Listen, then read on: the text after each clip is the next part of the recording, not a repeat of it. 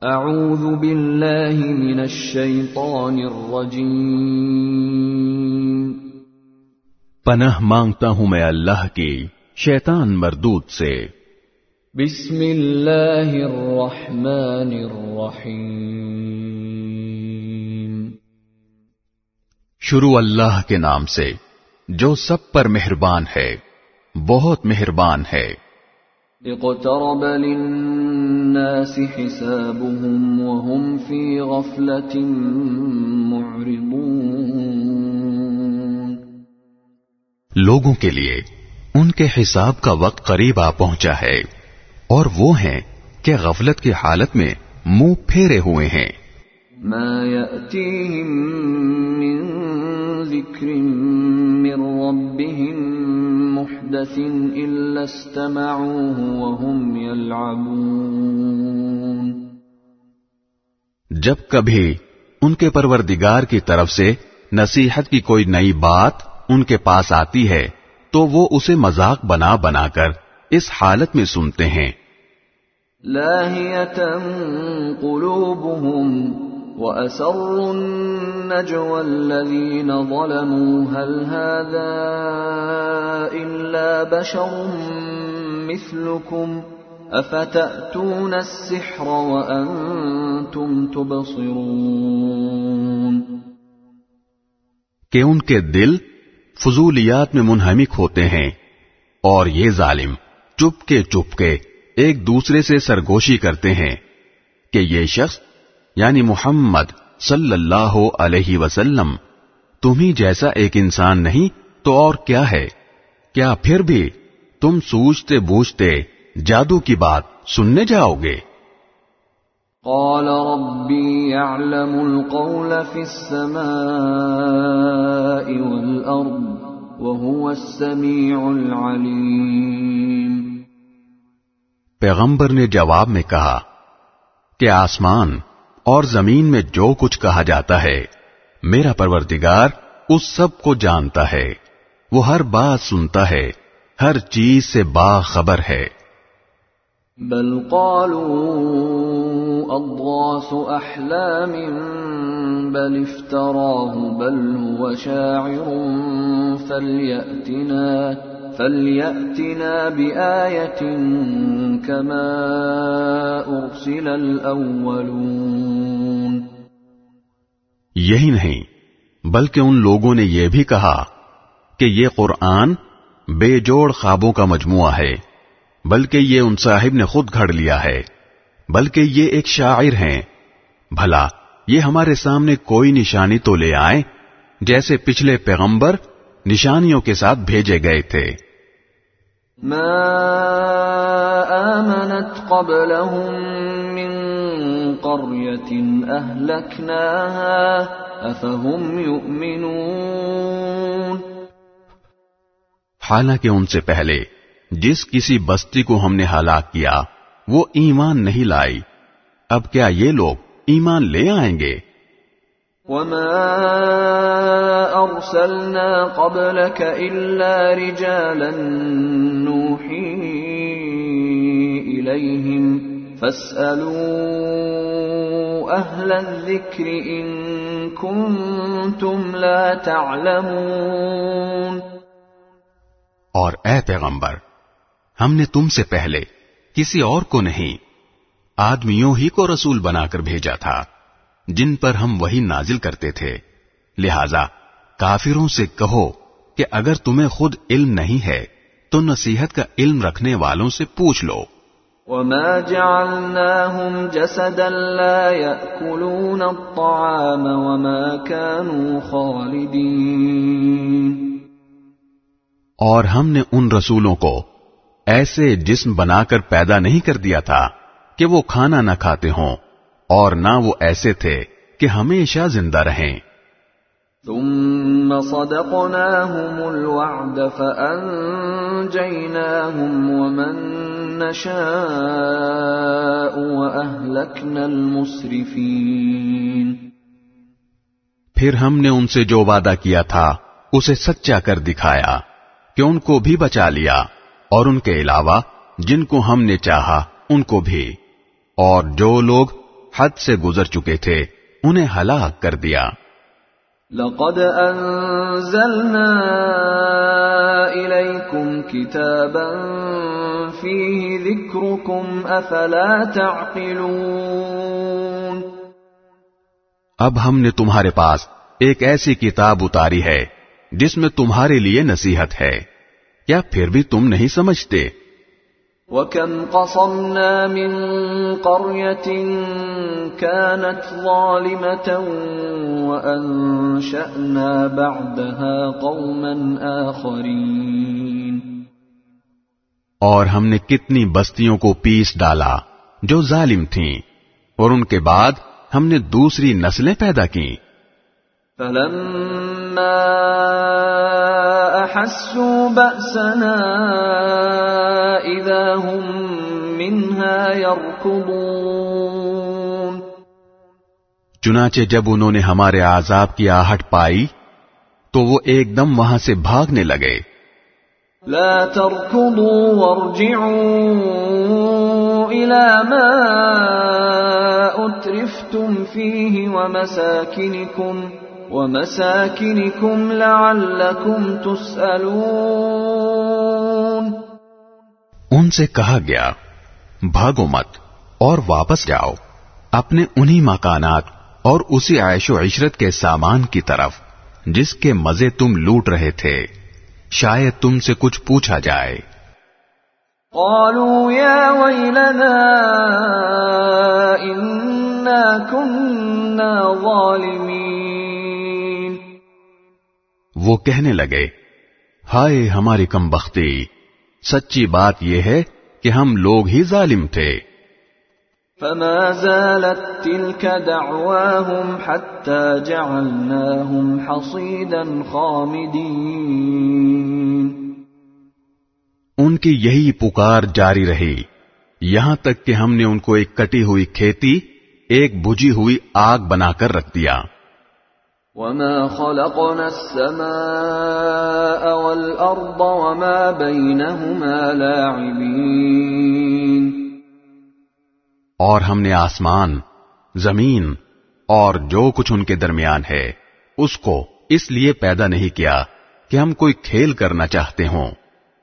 لو أردنا أن نتخذ لهوا لاتخذناه من لدنا إن كنا فاعلين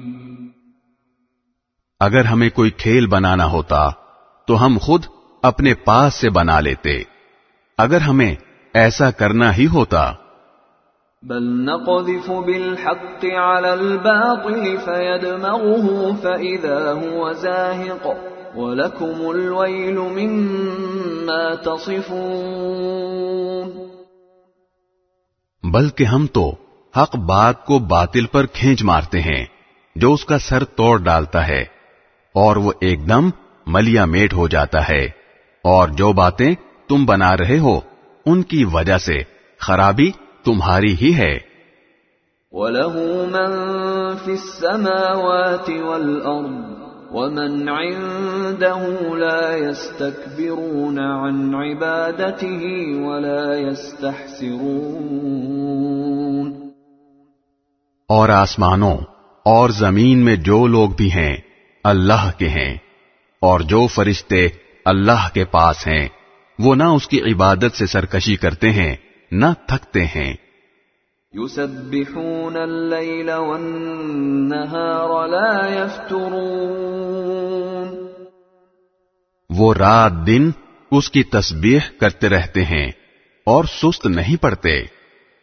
أم اتخذوا آلهة من الأرض هم ينشرون بھلا کیا ان لوگوں نے زمین میں سے ایسے خدا بنا رکھے ہیں جو نئی زندگی دیتے ہیں۔ لو كان فيهما آلهة إلا الله لفسدتا۔ فسبحان الله رب العرش عما يصفون۔ اگر آسمان اور زمین میں اللہ کے سوا دوسرے خدا ہوتے تو دونوں درم برم ہو جاتے۔ لہذا عرش کا مالک اللہ ان باتوں سے بالکل پاک ہے جو یہ لوگ بنایا کرتے ہیں۔ لا يسأل عما يفعل وهم يسألون۔ وہ جو کچھ کرتا ہے اس کا کسی کو جواب دہ نہیں ہے اور ان سب کو جواب دہی کرنی ہوگی۔ ام اتخذوا من دونه آلهة قل هاتوا برهانكم. هذا ذكر من معي وذكر من قبلي. بل أكثرهم لا يعلمون الحق فهم معرضون. بھلا کیا اسے چھوڑ کر انہوں نے دوسرے خدا بنا رکھے ہیں؟ اے پیغمبر، ان سے کہو کہ لاؤ اپنی دلیل، یہ قرآن بھی موجود ہے۔ جس میں میرے ساتھ والوں کے لیے نصیحت ہے، اور وہ کتابیں بھی موجود ہیں، جن میں مجھ سے پہلے لوگوں کے لیے نصیحت تھی۔ لیکن واقعہ یہ ہے کہ ان میں سے اکثر لوگ حق بات کا یقین نہیں کرتے، اس لیے منہ موڑے ہوئے ہیں۔ وما أرسلنا من قبلك من رسول إلا نوحي إليه أنه لا إله إلا أنا فاعبدون. اور تم سے پہلے ہم نے کوئی ایسا رسول نہیں بھیجا جس پر ہم نے یہ وہی نازل نہ کی ہو کہ میرے سوا کوئی خدا نہیں ہے لہذا میری عبادت کرو۔ وقالوا اتخذ الرحمن ولدا سبحانه بل عباد مكرمون یہ لوگ کہتے ہیں کہ خدا رحمان فرشتوں کی شکل میں اولاد رکھتا ہے سبحان اللہ۔ بلکہ فرشتے تو اللہ کے بندے ہیں جنہیں عزت بخشی گئی ہے۔ لا يسبقونه بالقول وهم بأمره يعملون۔ وہ اس سے آگے بڑھ کر کوئی بات نہیں کرتے اور وہ اسی کے حکم پر عمل کرتے ہیں۔ يعلم ما بين أيديهم وما خلفهم ولا يشفعون إلا لمن ارتضى وهم من خشيته مشفقون۔ وہ ان کی تمام اگلی پچھلی باتوں کو جانتا ہے اور وہ کسی کی سفارش نہیں کر سکتے سوائے اس کے جس کے لیے اللہ کی مرضی ہو اور وہ اس کے خوف سے سہمے رہتے ہیں۔ ومن يقل منهم إني إله من دونه فذلك نجزيه جهنم كذلك نجزي الظالمين۔ اور اگر ان میں سے کوئی بالفرض یہ کہے کہ اللہ کے علاوہ میں بھی معبود ہوں، تو اس کو ہم جہنم کی سزا دیں گے۔ ایسے ظالموں کو ہم ایسی ہی سزا دیتے ہیں۔ أولم ير الذين كفروا أن السماوات والأرض كانتا رتقا ففتقناهما وجعلنا من الماء كل شيء حي أفلا يؤمنون جن لوگوں نے کفر اپنا لیا ہے، کیا انہیں یہ معلوم نہیں ہے کہ سارے آسمان اور زمین بند تھے؟ پھر ہم نے انہیں کھول دیا، اور پانی سے ہر جاندار چیز پیدا کی ہے۔ کیا پھر بھی یہ ایمان نہیں لائیں گے؟ وجعلنا في الأرض رواسي أن تميد بهم وجعلنا فيها فجاجا سبلا لعلهم يهتدون. اور ہم نے زمین میں جمے ہوئے پہاڑ پیدا کیے ہیں تاکہ وہ انہیں لے کر ہلنے نہ پائے اور اس میں ہم نے چوڑے چوڑے راستے بنائے ہیں تاکہ وہ منزل تک پہنچ سکیں۔ وجعلنا السماء سقفا محفوظا وهم عن آياتها معرضون. اور ہم نے آسمان کو ایک محفوظ چھت بنا دیا ہے اور یہ لوگ ہیں کہ اس کی نشانیوں سے منہ موڑے ہوئے ہیں۔ وهو الذي خلق الليل والنهار والشمس والقمر كل في فلك يسبحون. اور وہی اللہ ہے جس نے رات اور دن اور سورج اور چاند پیدا کیے، سب کسی نہ کسی مدار میں تیر رہے ہیں۔ وما جعلنا لبشر من قبلك الخلد افئن مت فهم الخالدون اور اے پیغمبر تم سے پہلے بھی ہمیشہ زندہ رہنا ہم نے کسی فرد بشر کے لیے طے نہیں کیا۔ چنانچہ اگر تمہارا انتقال ہو گیا تو کیا یہ لوگ ایسے ہیں جو ہمیشہ زندہ رہیں؟ كل نفس ذائقة الموت ونبلوكم بالشر والخير فتنة وإلينا ترجعون. ہر جاندار کو موت کا مزہ چکھنا ہے اور ہم تمہیں آزمانے کے لیے بری بھلی حالتوں میں مبتلا کرتے ہیں اور تم سب ہمارے پاس ہی لوٹا کر لائے جاؤ گے۔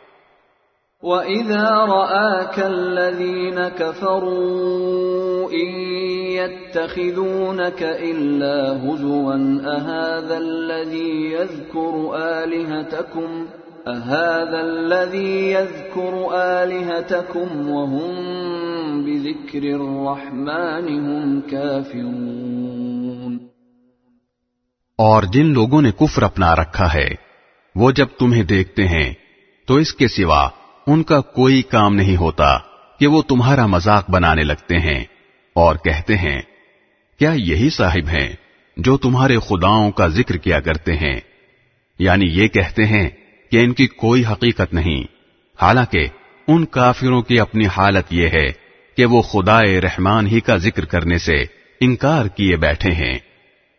خلق الإنسان من عجل۔ سأريكم آياتي فلا تستعجلون. انسان جلد بازی کی خصلت لے کر پیدا ہوا ہے۔ میں ان قریب تمہیں اپنی نشانیاں دکھلا دوں گا۔ لہذا تم مجھ سے جلدی مت مچاؤ۔ ويقولون متى هذا الوعد إن كنتم صادقين۔ اور یہ لوگ مسلمانوں سے کہتے ہیں کہ اگر تم سچے ہو، تو آخر یہ عذاب کی دھمکی کب پوری ہوگی؟ لو يعلم الذين كفروا حين لا يكفون عن وجوههم النار ولا عن ظهورهم لو يعلم الذين كفروا حين لا يكفون عن وجوههم النار ولا عن ظهورهم ولا هم ينصرون. کاش ان کافروں کو اس وقت کی کچھ خبر لگ جاتی جب یہ نہ اپنے چہروں سے آگ کو دور کر سکیں گے اور نہ اپنی پشتوں سے اور نہ ان کو کوئی مدد میسر آئے گی۔ بل تأتيهم بغتة فتبهتهم فلا يستطيعون ردها ولا هم ينظرون۔ بلکہ وہ آگ ان کے پاس ایک دم آ دھمکے گی اور ان کے ہوش و حواس گم کر کے رکھ دے گی۔ پھر نہ یہ اسے پیچھے ہٹا سکیں گے اور نہ انہیں کوئی مہلت دی جائے گی۔ وَلَقَدِ اسْتُهْزِئَ بِرُسُلٍ مِّن قَبْلِكَ فَحَاقَ بِالَّذِينَ سَخِرُوا مِنْهُمْ مَا كَانُوا بِهِ يَسْتَهْزِئُونَ۔ اور اے پیغمبر تم سے پہلے بھی پیغمبروں کا مذاق اڑایا گیا تھا۔ پھر ان کا مذاق بنانے والوں کو اسی چیز نے آ گھیرا جس کا وہ مذاق اڑایا کرتے تھے۔ قل من يكلأكم بالليل والنهار من الرحمن بل هم عن ذكر ربهم معرضون کہہ دو کہ کون ہے جو رات میں اور دن میں خدا رحمان کے عذاب سے تمہارا بچاؤ کرے، مگر وہ ہیں کہ اپنے پروردگار کے ذکر سے منہ موڑے ہوئے ہیں۔ ام لهم آلهة تمنعهم من دوننا لا يستطيعون نصر أنفسهم ولا هم منا يصحبون۔ بھلا کیا ان کے پاس ہمارے سوا کوئی ایسے خدا ہیں؟ جو ان کی حفاظت کرتے ہوں، وہ تو خود اپنی مدد نہیں کر سکتے، اور نہ ہمارے مقابلے میں کوئی ان کا ساتھ دے سکتا ہے۔ بل متعنا هؤلاء وآباءهم حتى طال عليهم العمر، أفلا يرون أنا نأتي الأرض ننقصها من أطرافها أفهم الغالبون بلکہ معاملہ یہ ہے کہ ہم نے ان کو اور ان کے آبا و اجداد کو سامان عیش عطا کیا۔ یہاں تک کہ اسی حالت میں ان پر ایک عمر گزر گئی۔ بھلا کیا انہیں یہ نظر نہیں آتا کہ ہم زمین کو اس کے مختلف کناروں سے گھٹاتے چلے آ رہے ہیں۔ پھر کیا وہ غالب آ جائیں گے؟ قل انما انذركم بالوحي ولا يسمع الصم الدعاء اذا ما ينذرون۔ کہہ دو کہ میں تو تمہیں وہی کے ذریعے ڈراتا ہوں لیکن بہرے لوگ ایسے ہیں کہ جب انہیں ڈرایا جاتا ہے تو وہ کوئی پکار نہیں سنتے۔ وَلَئِن مَسَّتْهُمْ نَفْحَةٌ مِّنْ عَذَابِ رَبِّكَ لَيَقُولُنَّ يَا وَيْلَنَا، لَيَقُولُنَّ يَا وَيْلَنَا، إِنَّا كُنَّا ظَالِمِينَ۔ اور اگر تمہارے پروردگار کے عذاب کا ایک جھونکا بھی انہیں چھو جائے، تو یہ کہہ اٹھیں گے کہ ہائے ہماری کم بختی، واقعی ہم لوگ ظالم تھے۔ ونضع الموازين القسط ليوم القيامة فلا تظلم نفس شيئا وإن كان مثقال حبة من خردل أتينا بها وكفى بنا حاسبين۔ اور ہم قیامت کے دن ایسی ترازویں لا رکھیں گے جو سراپا انصاف ہوں گی، چنانچہ کسی پر کوئی ظلم نہیں ہوگا۔ اور اگر کوئی عمل رائی کے دانے کے برابر بھی ہوگا، تو ہم اسے سامنے لے آئیں گے۔ اور حساب لینے کے لیے ہم کافی ہیں۔ وَلَقَدْ آتَيْنَا مُوسَى وَهَارُونَ الْفُرْقَانَ وَضِيَاءً وَذِكْرًا لِّلْمُتَّقِينَ۔ اور ہم نے موسا اور ہارون کو حق و باطل کا ایک معیار ہدایت کی ایک روشنی اور ان متقی لوگوں کے لیے نصیحت کا سامان عطا کیا تھا۔ الذين يخشون ربهم بالغيب وهم من الساعة مشفقون جو دیکھے بغیر اپنے پروردگار سے ڈریں اور جن کو قیامت کی گھڑی کا خوف لگا ہوا ہو۔ وهذا ذكر مبارك أنزلناه۔ أفأنتم له منكرون اور اب یہ قرآن برکتوں والا پیغام نصیحت ہے جو ہم نے نازل کیا ہے۔ کیا پھر بھی تم اسے ماننے سے انکار کرتے ہو؟ وَلَقَدْ آتَيْنَا إبراهيم رشده من قبل وكنا به عالمين اور اس سے پہلے ہم نے ابراہیم کو وہ سمجھ بوجھ عطا کی تھی جو ان کے لائق تھی اور ہم انہیں خوب جانتے تھے۔ إذ قال لأبيه وقومه ما هذه التماثيل التي أنتم لها عاكفون وہ وقت یاد کرو جب انہوں نے اپنے باپ اور اپنی قوم سے کہا تھا۔ کہ یہ کیا مورتیں ہیں جن کے آگے تم دھرنا دیے بیٹھے ہو۔ قالوا وجدنا آباءنا لها عابدين وہ بولے کہ ہم نے اپنے باپ دادوں کو ان کی عبادت کرتے ہوئے پایا ہے۔ قال لقد كنتم أنتم وآباؤكم في ضلال مبين. ابراہیم نے کہا حقیقت یہ ہے کہ تم بھی اور تمہارے باپ دادے بھی کھلی گمراہی میں مبتلا رہے ہو۔ قالوا أجئتنا بالحق أم أنت من اللاعبين انہوں نے کہا کیا تم ہم سے سچ مچ کی بات کر رہے ہو یا دل لگی کر رہے ہو؟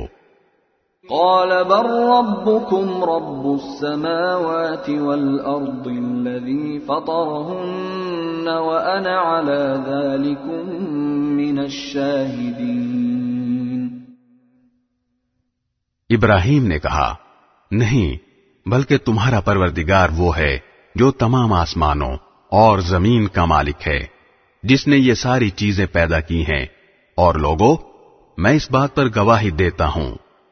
وتالله لأكيدن أصنامكم بعد أن تولوا مدبرين۔ اور اللہ کی قسم جب تم پیٹ پھیر کر چلے جاؤ گے تو میں تمہارے بتوں کے ساتھ ایک ایسا کام کروں گا جس سے ان کی حقیقت کھل جائے گی۔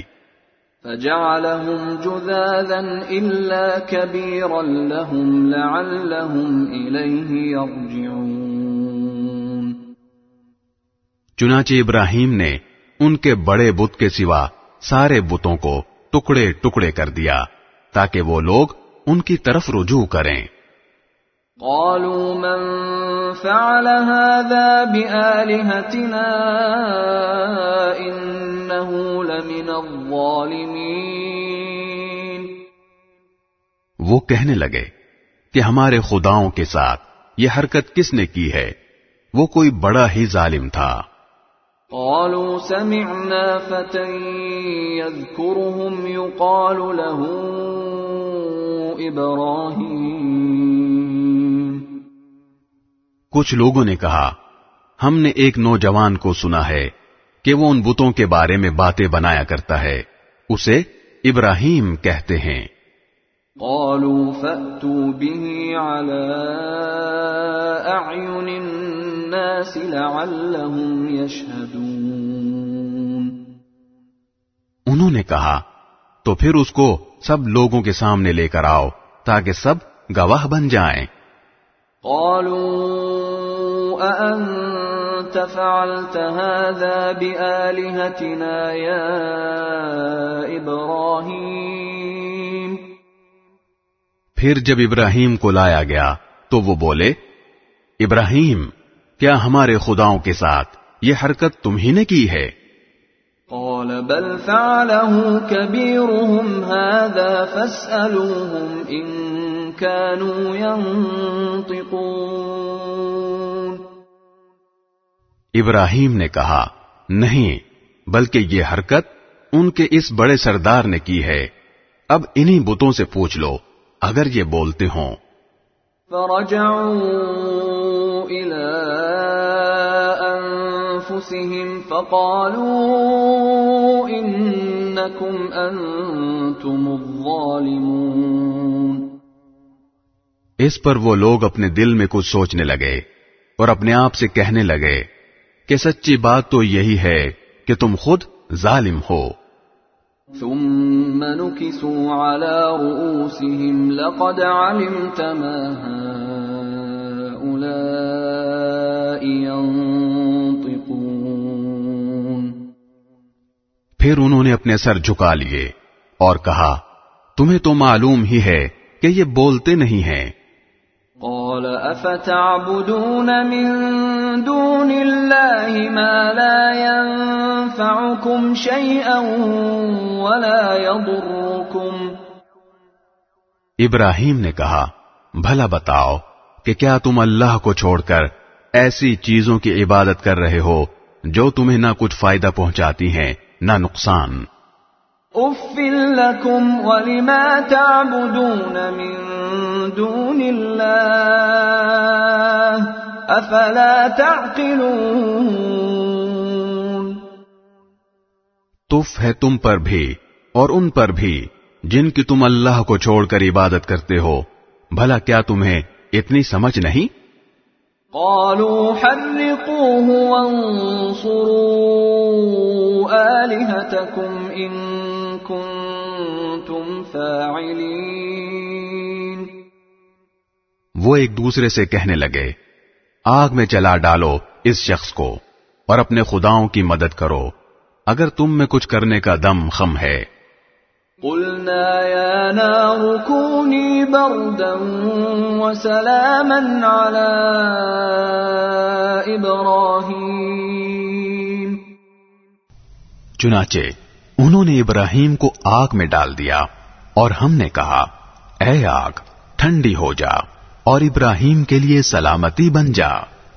وأرادوا به كيدا فجعلناهم الأخسرين۔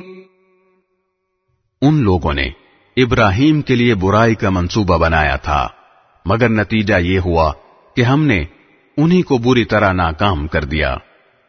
ونجيناه ولوطا إلى الأرض التي باركنا فيها للعالمين۔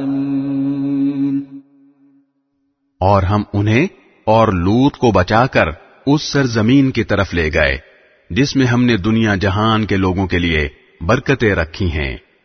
ووهبنا له إسحاق ويعقوب نافلة وكلا جعلنا صالحين۔ اور ہم نے ان کو انعام کے طور پر اسحاق اور یعقوب عطا کیے اور ان میں سے ہر ایک کو ہم نے نیک بنایا۔ وجعلناهم أئمة يهدون بأمرنا وأوحينا إليهم وأوحينا إليهم فعل الخيرات وإقام الصلاة وإيتاء الزكاة وكانوا لنا عابدين۔ اور ان سب کو ہم نے پیشوا بنایا جو ہمارے حکم سے لوگوں کی رہنمائی کرتے تھے اور ہم نے وہی کے ذریعے انہیں نیکیا کرنے نماز قائم کرنے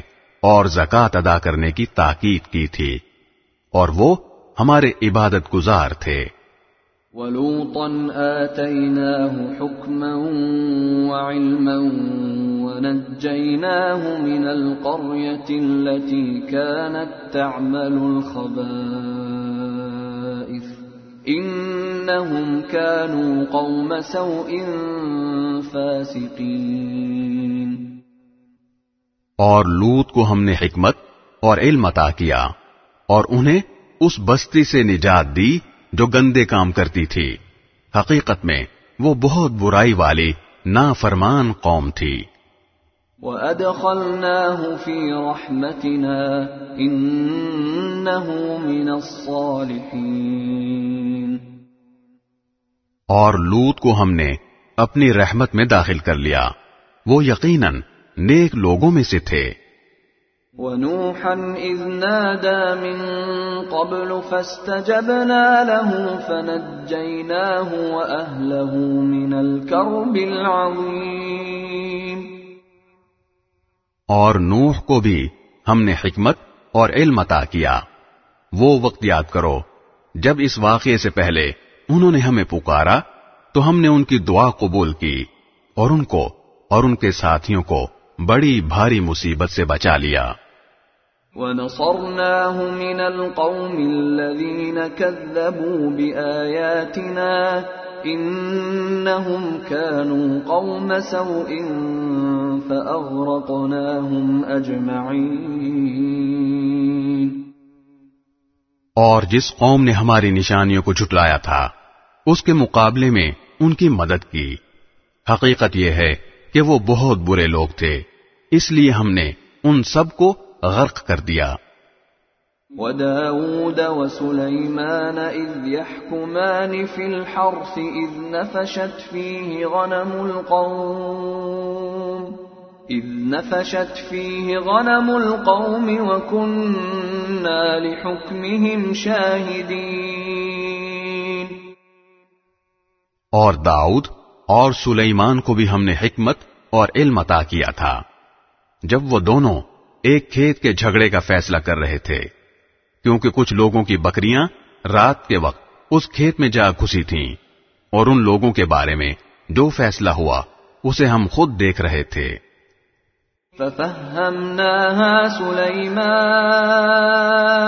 وكلا آتينا حكما وعلما وسخرنا مع داود الجبال يسبحن والطير وكنا فاعلين. چنانچہ اس فیصلے کی سمجھ ہم نے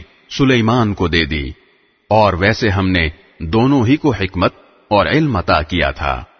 اور ہم نے داؤد کے ساتھ پہاڑوں کو تابے دار بنا دیا تھا کہ وہ پرندوں کو ساتھ لے کر تسبیح کریں اور یہ سارے کام کرنے والے ہم تھے۔ وعلمناه صنعة لبوس لكم لتحصنكم من بأسكم فهل أنتم شاكرون اور ہم نے انہیں تمہارے فائدے کے لیے ایک جنگی لباس یعنی زرہ بنانے کی صنعت سکھائی، تاکہ وہ تمہیں لڑائی میں ایک دوسرے کی عزت سے بچائے۔ اب بتاؤ کہ کیا تم شکر گزار ہو؟ ولسليمان الريح عاصفة تجري بأمره إلى الأرض التي باركنا فيها۔ وكنا بكل شيء عالمين۔ اور ہم نے تیز چلتی ہوئی ہوا کو سلیمان کے تابع کر دیا تھا، جو ان کے حکم سے اس سرزمین کی طرف چلتی تھی، جس میں ہم نے برکتیں رکھی ہیں، اور ہمیں ہر ہر بات کا پورا پورا علم ہے۔ ومن الشياطين من يغوصون له ويعملون عملا دون ذلك وكنا لهم حافظين. اور کچھ ایسے شریر جنات بھی ہم نے ان کے تابع کر دیے تھے جو ان کے خاطر پانی میں غوطے لگاتے تھے اور اس کے سوا اور بھی کام کرتے تھے۔ اور ان سب کی دیکھ بھال کرنے والے ہم تھے۔ وَأَيُّوبَ إِذْ نَادَى رَبَّهُ أَنِّي مَسَّنِيَ الضُّرُّ وَأَنْتَ أَرْحَمُ الرَّاحِمِينَ۔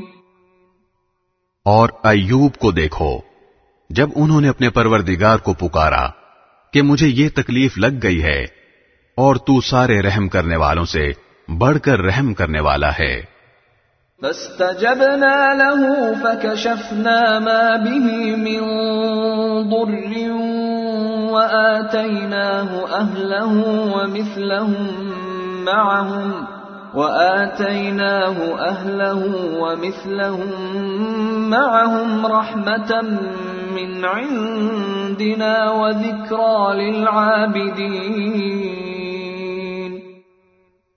پھر ہم نے ان کی دعا قبول کی اور انہیں جو تکلیف لاحق تھی، اسے دور کر دیا اور ان کو ان کے گھر والے بھی دیے اور ان کے ساتھ اتنے ہی لوگ اور بھی، تاکہ ہماری طرف سے رحمت کا مظاہرہ ہو اور عبادت کرنے والوں کو ایک یادگار سبق ملے۔ وإسماعيل وإدريس وذا الكفل كل من اور اسماعیل اور ادریس اور ذوالکفل کو دیکھو۔ یہ سب صبر کرنے والوں میں سے تھے۔ وأدخلناهم في رحمتنا إنهم من الصالحين۔ اور ان کو ہم نے اپنی رحمت میں داخل کر لیا تھا۔ یقیناً ان کا شمار نیک لوگوں میں ہے۔ وذا النون إذ ذهب مغاضبا فظن أن لن نقدر عليه فنادى فنادى في الظلمات أن لا إله إلا أنت سبحانك إني كنت من الظالمين۔ اور مچھلی والے پیغمبر یعنی یونس علیہ السلام کو دیکھو، جب وہ خفا ہو کر چل کھڑے ہوئے تھے اور یہ سمجھے تھے کہ ہم ان کی کوئی پکڑ نہیں کریں گے، پھر انہوں نے اندھیریوں میں سے آواز لگائی کہ یا اللہ، تیرے سوا کوئی معبود نہیں، تو ہر عیب سے پاک ہے، بے شک میں قصوروار ہوں۔ فاستجبنا له ونجيناه من الغم۔ وكذلك ننجي المؤمنين۔ اس پر ہم نے ان کی دعا قبول کی اور انہیں گھٹن سے نجات عطا کی اور اسی طرح ہم ایمان رکھنے والوں کو نجات دیتے ہیں۔ وزكريا إذ نادى ربه رب لا تذرني فردا وأنت خير الوارثين۔ اور زکریہ کو دیکھو، جب انہوں نے اپنے پروردگار کو پکارا تھا کہ، یا رب، مجھے اکیلا نہ چھوڑیے، اور آپ سب سے بہتر وارث ہیں۔ فاستجبنا له ووهبنا له يحيى وأصلحنا له زوجه إنهم كانوا يسارعون في الخيرات ويدعوننا رغبا ورهبا وكانوا لنا خاشعين۔ چنانچہ ہم نے ان کی دعا قبول کی اور ان کو یحییٰ جیسا بیٹا عطا کیا اور ان کی خاطر ان کی بیوی کو اچھا کر دیا۔ یقیناً یہ لوگ بھلائی کے کاموں میں تیزی دکھاتے تھے اور ہمیں شوق اور روب کے عالم میں پکارا کرتے تھے اور ان کے دل ہمارے آگے جھکے ہوئے تھے۔ والتي أحصنت فرجها فنفخنا فيها من روحنا وجعلناها وجعلناها وابنها آية للعالمين. اور اس خاتون کو دیکھو، جس نے اپنی عصمت کی حفاظت کی تھی۔ پھر ہم نے اس کے اندر اپنی روح پھونکی اور انہیں اور ان کے بیٹے کو دنیا جہان کے لوگوں کے لیے ایک نشانی بنا دیا۔ إن هذه أمتكم أمة واحدة وأنا ربكم فاعبدون۔ لوگو یقین رکھو کہ یہ دین جس کی یہ تمام انبیاء دعوت دیتے رہے ہیں تمہارا دین ہے جو ایک ہی دین ہے اور میں تمہارا پروردگار ہوں۔ لہذا تم میری عبادت کرو۔ وتقطعوا أمرهم بينهم كل إلينا راجعون۔ اور لوگوں نے اپنے دین کو آپس میں ٹکڑے ٹکڑے کر کے بانٹ لیا مگر سب ہمارے پاس لوٹ کر آنے والے ہیں۔ فمن يعمل من الصالحات وهو مؤمن فلا كفران لسعيه وإنا له كاتبون پھر جو مومن بن کر نیک عمل کرے گا تو اس کی کوشش کی نا قدری نہیں ہوگی اور ہم اس کوشش کو لکھتے جاتے ہیں۔ وحرام على قرية أهلكناها أنهم لا يرجعون. اور جس کسی بستی کے لوگوں کو ہم نے ہلاک کیا ہے اس کے لیے ناممکن ہے کہ وہ پلٹ کر دنیا میں آ جائیں۔ حتى إذا فتحت يأجوج ومأجوج وهم من كل حدب ينسلون. یہاں تک کہ جب یاجوج اور ماجوج کو کھول دیا جائے گا اور وہ ہر بلندی سے پھسلتے نظر آئیں گے۔ واقترب الوعد الحق فإذا هي شاخصة أبصار الذين كفروا يا ويلنا قد كنا في غفلة من هذا بل كنا ظالمين. اور سچا وعدہ پورا ہونے کا وقت قریب آ جائے گا۔ تو اچانک حالت یہ ہوگی کہ جن لوگوں نے کفر اپنا لیا تھا ان کی آنکھیں پھٹی کی پھٹی رہ جائیں گی اور وہ کہیں گے کہ ہائے ہماری کم بختی ہم اس چیز سے بالکل ہی غفلت میں تھے بلکہ ہم نے بڑے ستم ڈھائے تھے۔ انکم وما تعبدون من دون اللہ حصب جہنم انتم لها واردون۔ اے شرک کرنے والو یقین رکھو کہ تم اور جن کی تم اللہ کو چھوڑ کر عبادت کرتے ہو وہ سب جہنم کا ایندھن ہے تمہیں اسی جہنم میں جا اترنا ہے۔ لو كان هؤلاء آلهة ما وردوها وكل فيها خالدون۔ اگر یہ واقعی خدا ہوتے تو اس جہنم میں نہ جاتے اور سب کے سب اس میں ہمیشہ رہیں گے۔ لهم فيها زفير وهم فيها لا يسمعون۔ وہاں ان کی چیخیں نکلیں گی اور وہاں وہ کچھ سن نہیں سکیں گے۔ ان الذين سبقت لهم منا الحسنى اولئك عنها مبعدون. البتہ جن لوگوں کے لیے ہماری طرف سے بھلائی پہلے سے لکھی جا چکی ہے یعنی نیک مومن ان کو اس جہنم سے دور رکھا جائے گا۔ لا يسمعون حسيسها وهم فيما اشتهت انفسهم خالدون. وہ اس کی سرسراہٹ بھی نہیں سنیں گے۔ اور وہ ہمیشہ ہمیشہ اپنی من پسند چیزوں کے درمیان رہیں گے۔ لا يحزنهم الفزع الأكبر وتتلقاهم الملائكة. هذا يومكم الذي كنتم توعدون. ان کو وہ قیامت کی سب سے بڑی پریشانی غمگین نہیں کرے گی اور فرشتے ان کا یہ کہہ کر استقبال کریں گے کہ یہ تمہارا وہ دن ہے جس کا تم سے وعدہ کیا جاتا تھا۔ يوم نطوي السماء كطي السجل للكتب كما بدأنا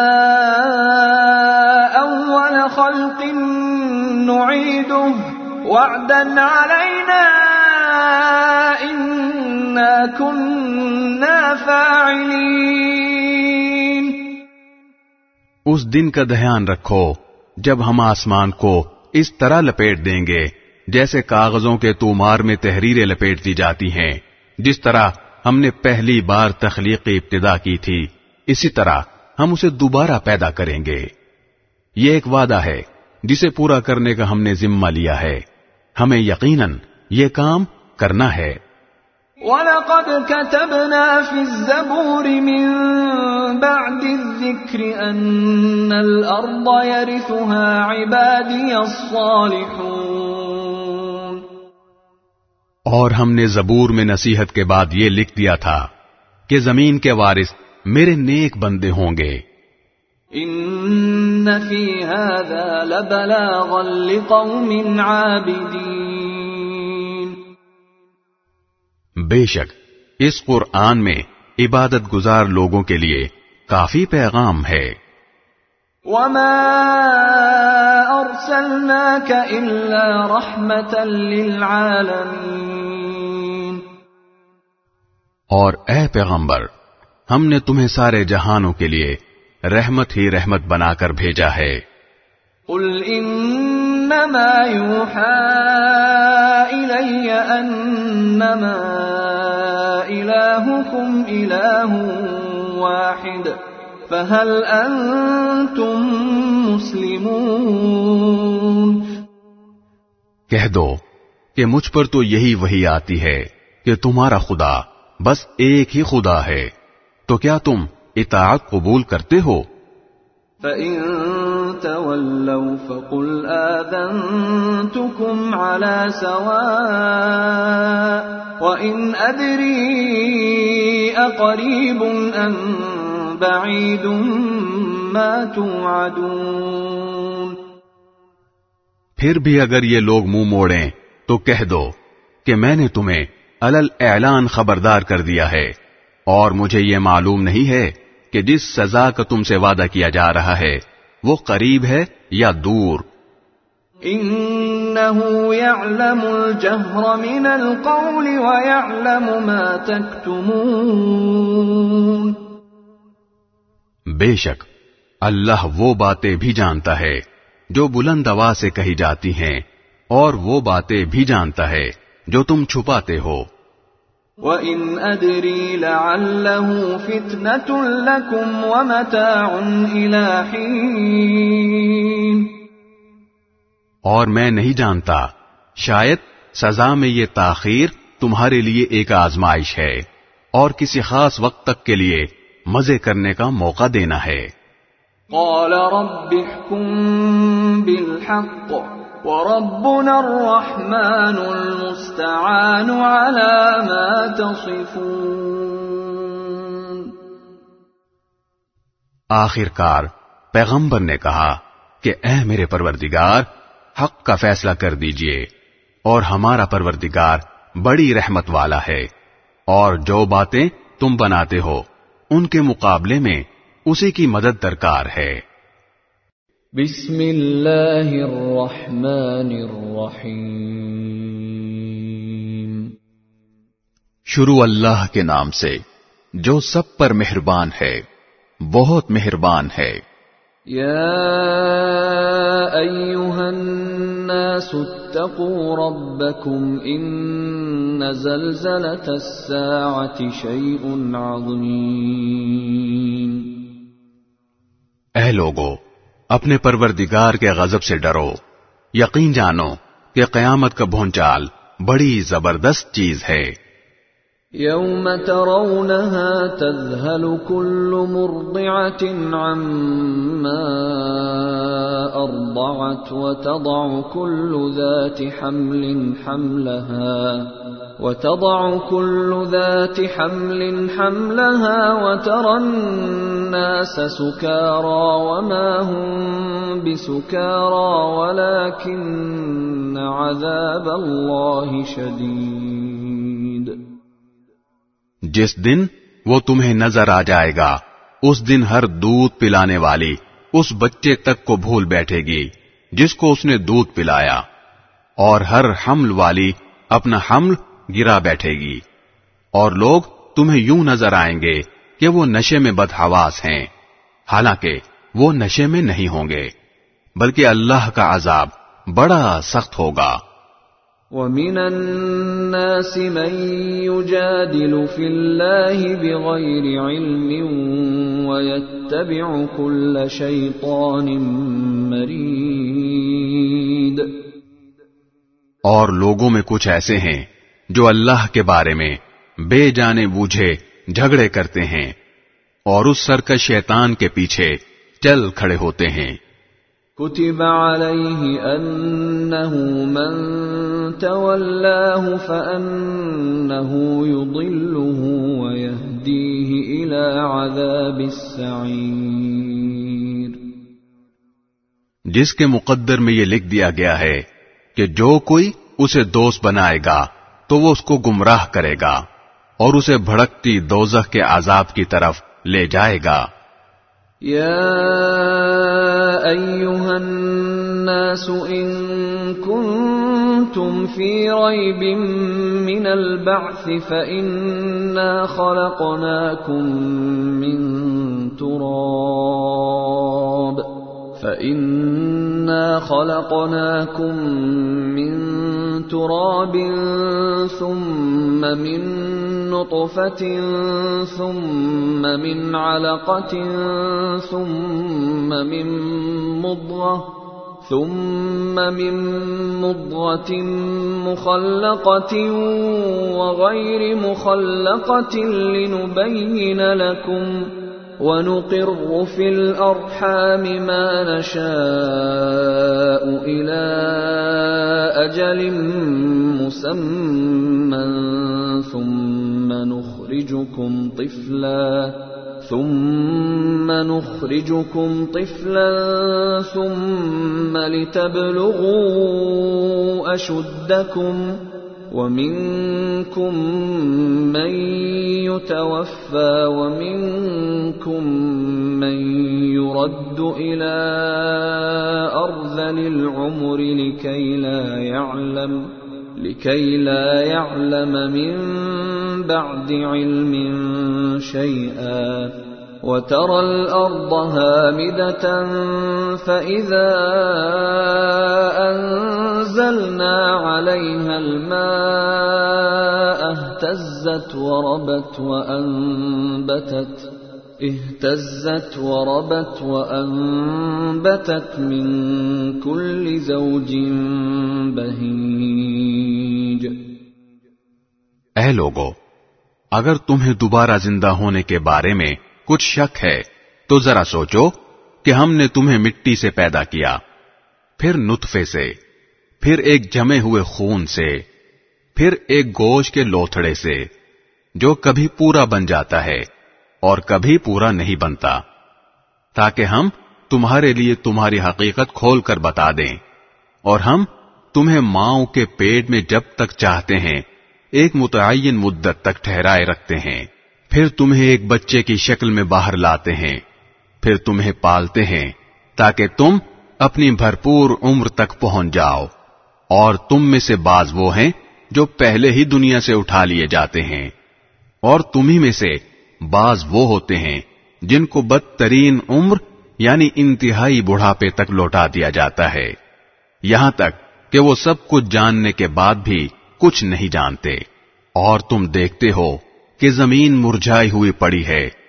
پھر جب ہم اس پر پانی برساتے ہیں، تو وہ حرکت میں آتی ہے۔ اس میں بڑھوتری ہوتی ہے اور وہ ہر قسم کی خوشنما چیزیں اگاتی ہے۔ ذلك بأن الله هو الحق وأنه يحيي الموتى وأنه على كل شيء قدير۔ یہ سب کچھ اس وجہ سے ہے کہ اللہ ہی کا وجود برحق ہے اور وہی بے جانوں میں جان ڈالتا ہے اور وہ ہر چیز پر مکمل قدرت رکھتا ہے۔ وَأَنَّ السَّاعَةَ آتِيَةٌ لَا رَيْبَ فِيهَا وَأَنَّ اللَّهَ يَبْعَثُ مَن فِي الْقُبُورِ۔ اور اس لیے کہ قیامت کی گھڑی آنے والی ہے جس میں کوئی شک نہیں ہے۔ اور اس لیے کہ اللہ ان سب لوگوں کو دوبارہ زندہ کرے گا جو قبروں میں ہیں۔ وَمِنَ النَّاسِ مَن يُجَادِلُ فِي اللَّهِ بِغَيْرِ عِلْمٍ وَلَا هُدًى وَلَا كِتَابٍ مُنِيرٍ۔ اور لوگوں میں کچھ ایسے ہیں جو اللہ کے بارے میں جھگڑے کرتے ہیں۔ حالانکہ ان کے پاس نہ کوئی علم ہے، نہ ہدایت اور نہ کوئی روشنی دینے والی کتاب۔ ثاني عطفه ليضل عن سبيل الله له في الدنيا خزي ونذيقه يوم القيامة عذاب الحريق وہ تکبر سے اپنا پہلو اکڑائے ہوئے ہیں تاکہ دوسروں کو بھی اللہ کے راستے سے گمراہ کریں۔ ایسے ہی شخص کے لیے دنیا میں رسوائی ہے اور قیامت کے دن ہم اسے جلتی ہوئی آگ کا مزہ چکھائیں گے۔ ذلك بما قدمت يداك وأن الله ليس بظلام للعبيد کہ یہ سب کچھ تیرے اس کرتوت کا بدلہ ہے جو تو نے اپنے ہاتھوں سے آگے بھیجا تھا۔ اور یہ بات طے ہے کہ اللہ بندوں پر ظلم ڈھانے والا نہیں ہے۔ ومن الناس من يعبد الله على حرف فإن أصابه خير اطمأن به۔ وإن أصابته فتنة انقلب على وجهه خسر الدنيا والآخرة. ذلك هو الخسران المبين۔ اور لوگوں میں وہ شخص بھی ہے جو ایک کنارے پر رہ کر اللہ کی عبادت کرتا ہے۔ چنانچہ اگر اسے دنیا میں کوئی فائدہ پہنچ گیا تو وہ اس سے مطمئن ہو جاتا ہے۔ اور اگر اسے کوئی آزمائش پیش آ گئی تو وہ منہ موڑ کر پھر کفر کی طرف چل دیتا ہے۔ ایسے شخص نے دنیا بھی کھوئی اور آخرت بھی۔ یہی تو کھلا ہوا گھاٹا ہے۔ يدعو من دون الله ما لا يضره وما لا ينفعه ذلك هو الضلال البعيد وہ اللہ کو چھوڑ کر ان کی عبادت کرتا ہے جو نہ اسے نقصان پہنچا سکتے ہیں نہ کوئی فائدہ دے سکتے ہیں۔ یہی تو پرلے درجے کی گمراہی ہے۔ يدعو لمن ضره أقرب من نفعه لبئس المولى ولبئس العشير۔ یہ ایسے جھوٹے خدا کو پکارتے ہیں جس کا نقصان اس کے فائدے سے زیادہ قریب ہے۔ ایسا مددگار بھی کتنا برا ہے اور ایسا ساتھی بھی کتنا برا۔ ان الله يدخل الذين امنوا وعملوا الصالحات جنات تجري من تحتها الانهار ان الله يفعل ما يريد۔ جو لوگ ایمان لائے ہیں اور انہوں نے نیک عمل کیے ہیں، اللہ یقیناً ان کو ایسے باغات میں داخل کرے گا جن کے نیچے نہریں بہتی ہوں گی۔ یقیناً اللہ ہر وہ کام کرتا ہے جس کا ارادہ کر لیتا ہے۔ من كان يظن أن لن ينصره الله في الدنيا والآخرة فليمدد بسبب إلى السماء ثم ليقطع فليمدد بسبب إلى السماء ثم ليقطع فلينظر هل يذهبن كيده ما يغيظ جو شخص یہ سمجھتا تھا کہ اللہ دنیا اور آخرت میں اس پیغمبر کی مدد نہیں کرے گا، تو وہ آسمان تک ایک رسی تان کر رابطہ کاٹ ڈالے، پھر دیکھے کہ کیا اس کی یہ تدبیر اس کی جھنجھلاہٹ دور کر سکتی ہے؟ وكذلك أنزلناه آيات بينات وأن الله يهدي من يريد۔ اور ہم نے اس قرآن کو کھلی کھلی نشانیوں کی صورت میں اسی طرح اتارا ہے اور اللہ جس کو چاہتا ہے ہدایت دیتا ہے۔ ان الذين امنوا والذين هادوا والصابئين والنصارى والمجوس والذين اشركوا ان الله يفصل بينهم يوم القيامه ان اللہ على كل شيء شهید بلا شبہ مومن ہوں یا یہودی سابی ہوں یا نصرانی اور مجوسی، یا وہ جنہوں نے شرک اختیار کیا ہے، اللہ قیامت کے دن ان سب کے درمیان فیصلہ کرے گا۔ یقیناً اللہ ہر چیز کا گواہ ہے۔ الم تر ان اللہ يسجد له من في السماوات ومن في الارض والشمس والقمر والشمس والقمر والنجوم والجبال والشجر والدواب وكثير من الناس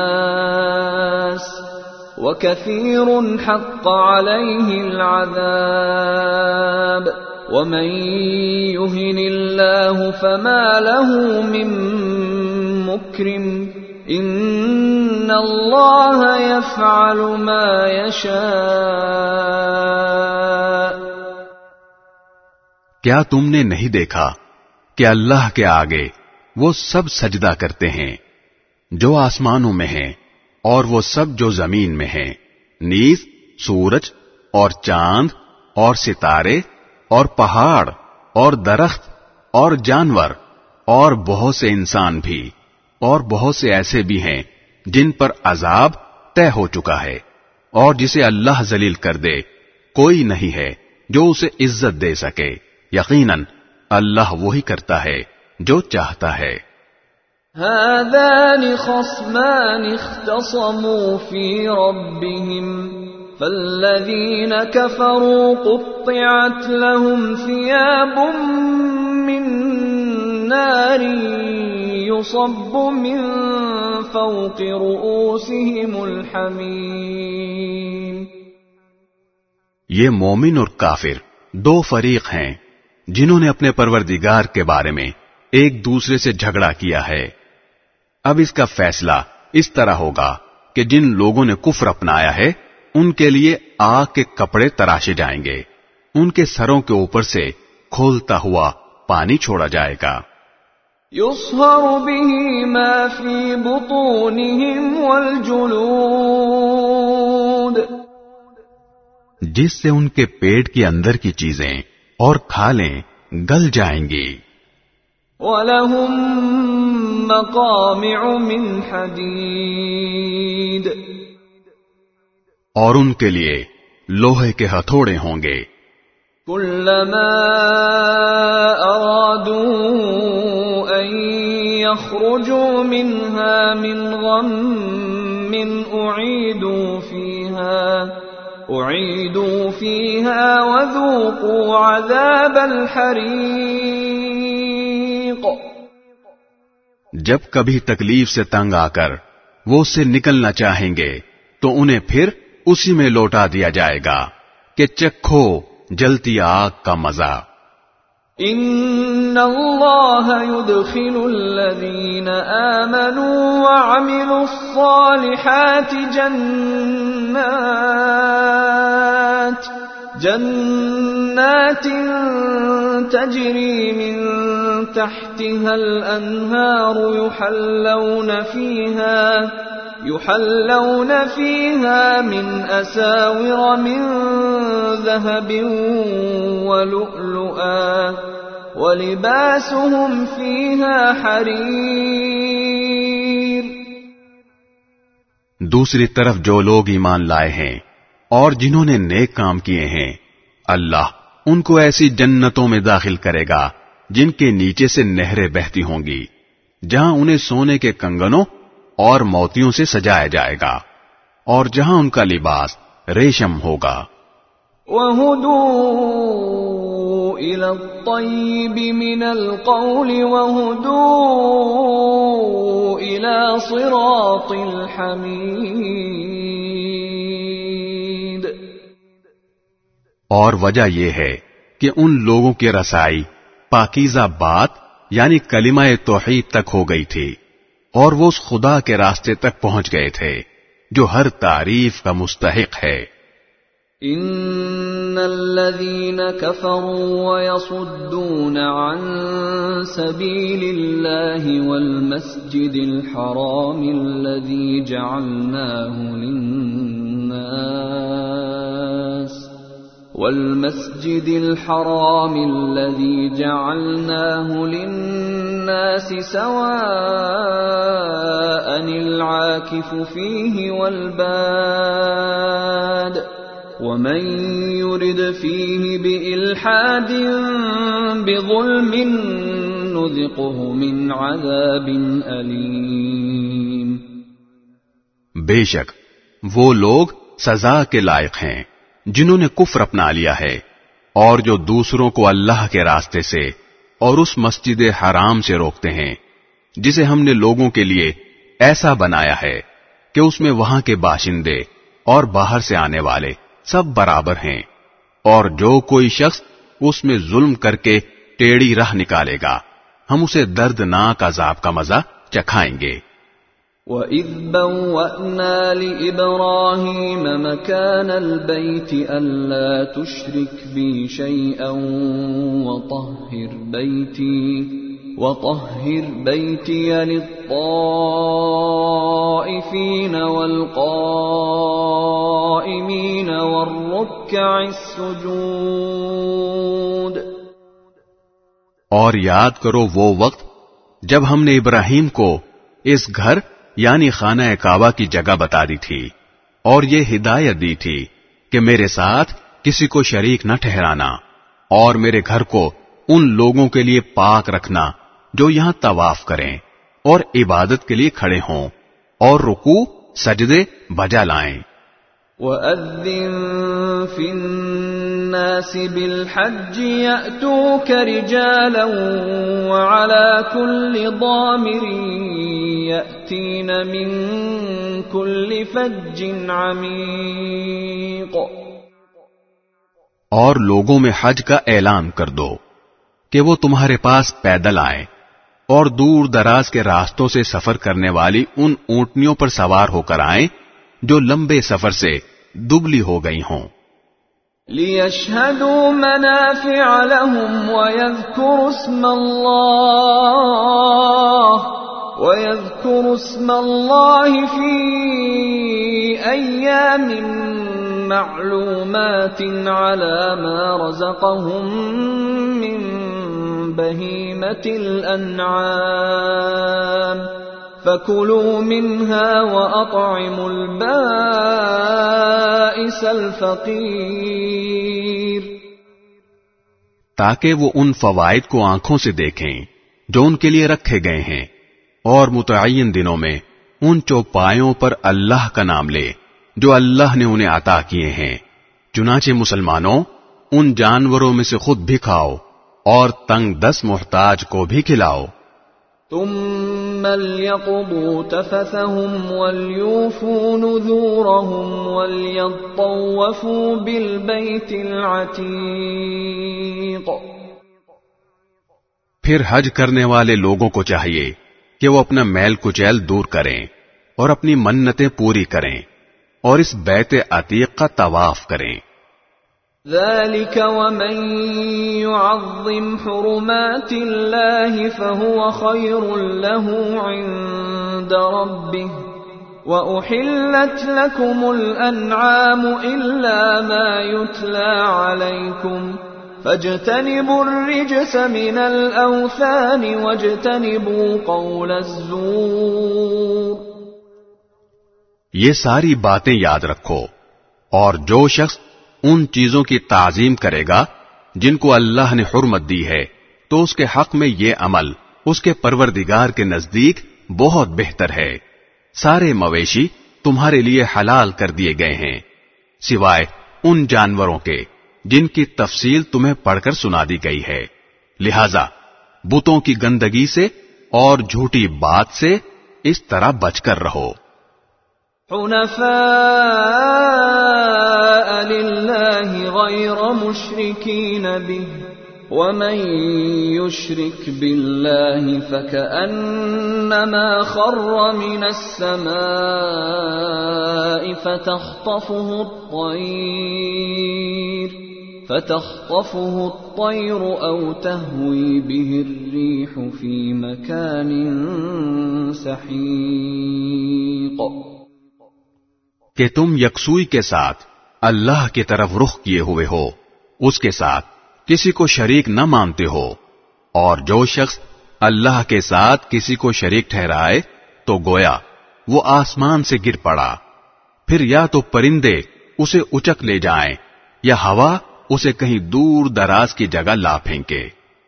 ذلك ومن يعظم شعائر الله فإنها من تقوى القلوب یہ ساری باتیں یاد رکھو اور جو شخص اللہ کے شاعر کی تعظیم کرے تو یہ بات دلوں کے تقوی سے حاصل ہوتی ہے۔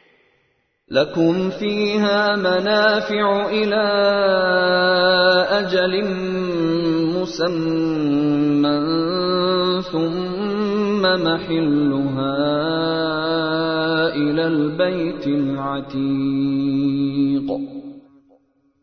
تمہیں ایک معین وقت تک ان جانوروں سے فوائد حاصل کرنے کا حق ہے۔ پھر ان کے حلال ہونے کی منزل اسی قدیم گھر یعنی خانہ کعبہ کے آس پاس ہے۔ وَلِكُلِّ أُمَّةٍ جَعَلْنَا مَنْسَكًا لِيَذْكُرُوا اسْمَ اللَّهِ عَلَى مَا رَزَقَهُم مِّن بَهِيمَةِ الْأَنْعَامِ. فَإِلَٰهُكُمْ إِلَٰهٌ وَاحِدٌ فَلَهُ أَسْلِمُوا. وبشر المخبتين. اور ہم نے ہر امت کے لیے قربانی اس غرض کے لیے مقرر کی ہے کہ وہ ان مویشیوں پر اللہ کا نام لیں جو اللہ نے انہیں عطا فرمائے ہیں۔ لہذا تمہارا خدا بس ایک ہی خدا ہے، چنانچہ تم اسی کی فرما برداری کرو اور خوشخبری سنا دو ان لوگوں کو جن کے دل اللہ کے آگے جھکے ہوئے ہیں۔ الذين إذا ذكر الله وجلت قلوبهم والصابرين على ما أصابهم والصابرين على ما أصابهم والمقيم الصلاة ومما رزقناهم ينفقون. جن کا حال یہ ہے کہ جب ان کے سامنے اللہ کا ذکر کیا جاتا ہے، تو ان کے دلوں پر روب تاری ہو جاتا ہے۔ اور جو اپنے اوپر پڑنے والی ہر مصیبت پر صبر کرنے والے ہیں، اور نماز کو قائم کرنے والے ہیں۔ اور جو رزق ہم نے انہیں دیا ہے، اس میں سے اللہ کے راستے میں خرچ کرتے ہیں۔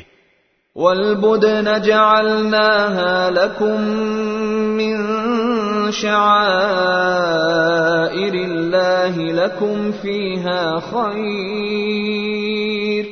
فاذكروا اسم الله عليها صواف. فإذا وجبت جنوبها فكلوا منها وأطعموا القانع والمعتر. كذلك سخرناها لكم لعلكم تشكرون۔ اور قربانی کے اونٹ اور گائے کو ہم نے تمہارے لیے اللہ کے شاعر میں شامل کیا ہے۔ تمہارے لیے ان میں بھلائی ہے۔ چنانچہ جب وہ ایک قطار میں کھڑے ہوں، ان پر اللہ کا نام لو۔ پھر جب ذبح ہو کر ان کے پہلو زمین پر گر جائیں تو ان کے گوشت میں سے خود بھی کھاؤ اور ان محتاجوں کو بھی کھلاؤ جو صبر سے بیٹھے ہوں اور ان کو بھی جو اپنی حاجت ظاہر کریں اور ان جانوروں کو ہم نے اسی طرح تمہارے تابع بنا دیا ہے تاکہ تم شکر گزار بنو۔ لن ينال لحومها ولا دماؤها، ولكن يناله التقوى منكم كذلك سخرها لكم لتكبروا الله على ما هداكم وبشر المحسنين. اللہ کو نہ ان کا گوشت پہنچتا ہے، نہ ان کا خون، لیکن اس کے پاس تمہارا تقوی پہنچتا ہے۔ اس نے یہ جانور اسی طرح تمہارے تابع بنا دیے ہیں۔ تاکہ تم اس بات پر اللہ کی تکبیر کرو کہ اس نے تمہیں ہدایت عطا فرمائی۔ اور جو لوگ خوش اسلوبی سے نیک عمل کرتے ہیں انہیں خوشخبری سنا دو۔ ان اللہ يدافع عن الذین آمنوا۔ ان اللہ لا يحب كل خوان کفور۔ بے شک اللہ ان لوگوں کا دفاع کرے گا جو ایمان لے آئے ہیں۔ یقین جانو کہ اللہ کسی دغا باز نہ شکرے کو پسند نہیں کرتا۔ اذن للذین یقاتلون بأنهم ظلموا وَإِنَّ اللَّهَ عَلَى نَصْرِهِمْ لَقَدِيرٌ جن لوگوں سے جنگ کی جا رہی ہے انہیں اجازت دی جاتی ہے کہ وہ اپنے دفاع میں لڑیں، کیونکہ ان پر ظلم کیا گیا ہے۔ اور یقین رکھو کہ اللہ ان کو فتح دلانے پر پوری طرح قادر ہے۔ الذين اخرجوا من ديارهم بغير حق الا ان يقولوا ربنا الله ولولا دفع الله الناس بعضهم ببعض لهدمت صوامع وبيع وصلوات ومساجد يذكر فيها اسم الله كثيرا. ولينصرن الله من ينصره. ان اللہ لقوی عزیز یہ وہ لوگ ہیں جنہیں صرف اتنی بات پر اپنے گھروں سے ناحق نکالا گیا ہے کہ انہوں نے یہ کہا تھا کہ ہمارا پروردگار اللہ ہے۔ اور اگر اللہ لوگوں کے ایک گروہ کے شر کو دوسرے کے ذریعے دفع نہ کرتا رہتا تو خانقاہیں اور کلیسا اور عبادت گاہیں اور مسجدیں جن میں اللہ کا کثرت سے ذکر کیا جاتا ہے، سب مسمار کر دی جاتی۔ اور اللہ ضرور ان لوگوں کی مدد کرے گا جو اس کے دین کی مدد کریں گے۔ بلا شبہ، اللہ بڑی قوت والا، بڑے اقتدار والا ہے۔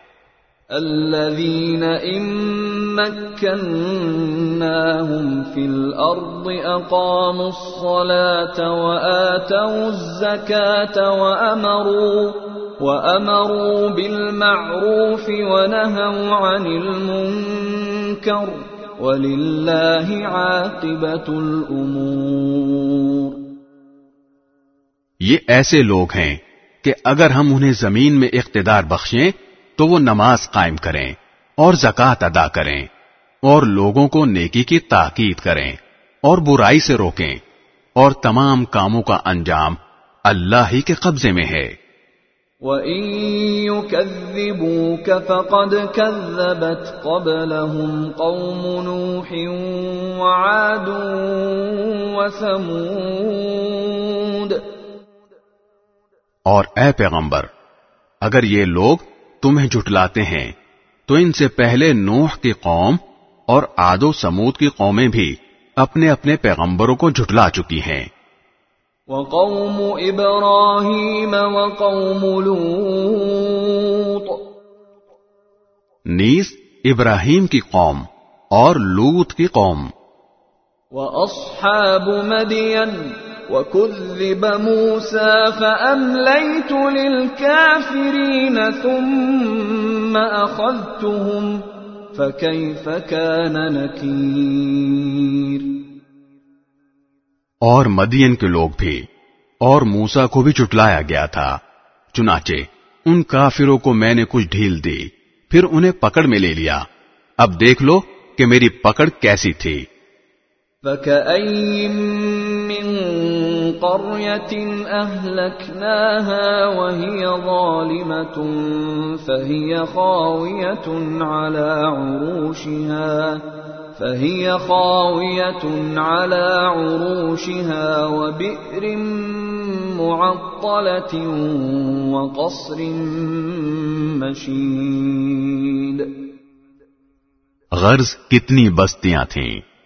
جن کو ہم نے